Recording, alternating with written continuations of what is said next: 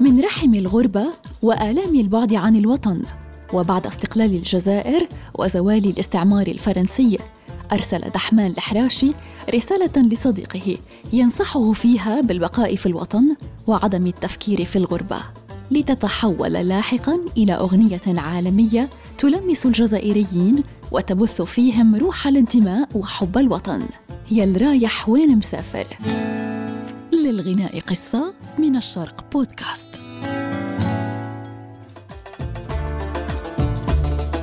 دحمان الحراشي ولد بالقرب من العاصمة الجزائر في العشرينيات واضطر كأغلبية الشباب في ذلك الوقت للهجرة إلى أوروبا بسبب الاستعمار الفرنسي للجزائر.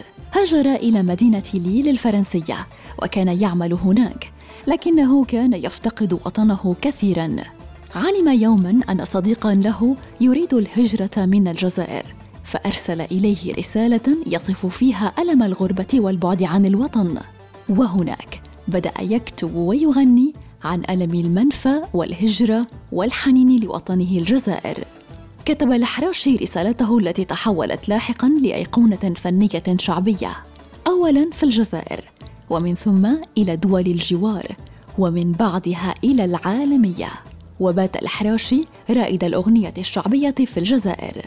بلغة بسيطة وموسيقى قريبة من قلوب الناس قدم الحراشي رسالته الوطنية في سياقها الاجتماعي وبدأ يغني في مقاهي الغربة وعلى ضفاف البحر الذي يبتلع المهاجرين.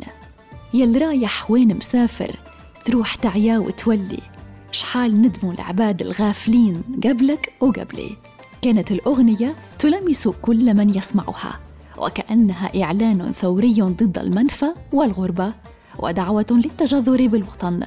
في البداية كان الحراشي مترددا في تسجيل الأغنية لأنه كان يعتقد أن صوته خشنا نوعا ما. لكن أصدقائه خالفوه الرأي وسجلها بصوته لتخلد كلماتها للأجيال اللاحقة. توفي الحراشي عام 1980 وبعدها بثلاثة عشر عاماً وتحديداً 1993 أعاد غناء الأغنية الفنان طه رشيد ليضعها كبصمة فنية على خارطة الفن العالمي. وعام 1998 غناها طه رشيد والشاب خالد وفديل في العاصمة الفرنسية باريس لتتصدر قائمة الأكثر استماعاً في فرنسا. ثم غناها الفنان اللبناني علاء زلزلي وغنيت بالبرازيلية وبأكثر من لغة. وباتت الأغنية نداء لكل مغترب كتحذير وجودي من البعد عن الوطن أو نسيانه يا رايح وين مسافر تروح تعيا وتولي. شعال ندموا العباد الغافلين قبلك وقبلي. يا رايح وين مسافر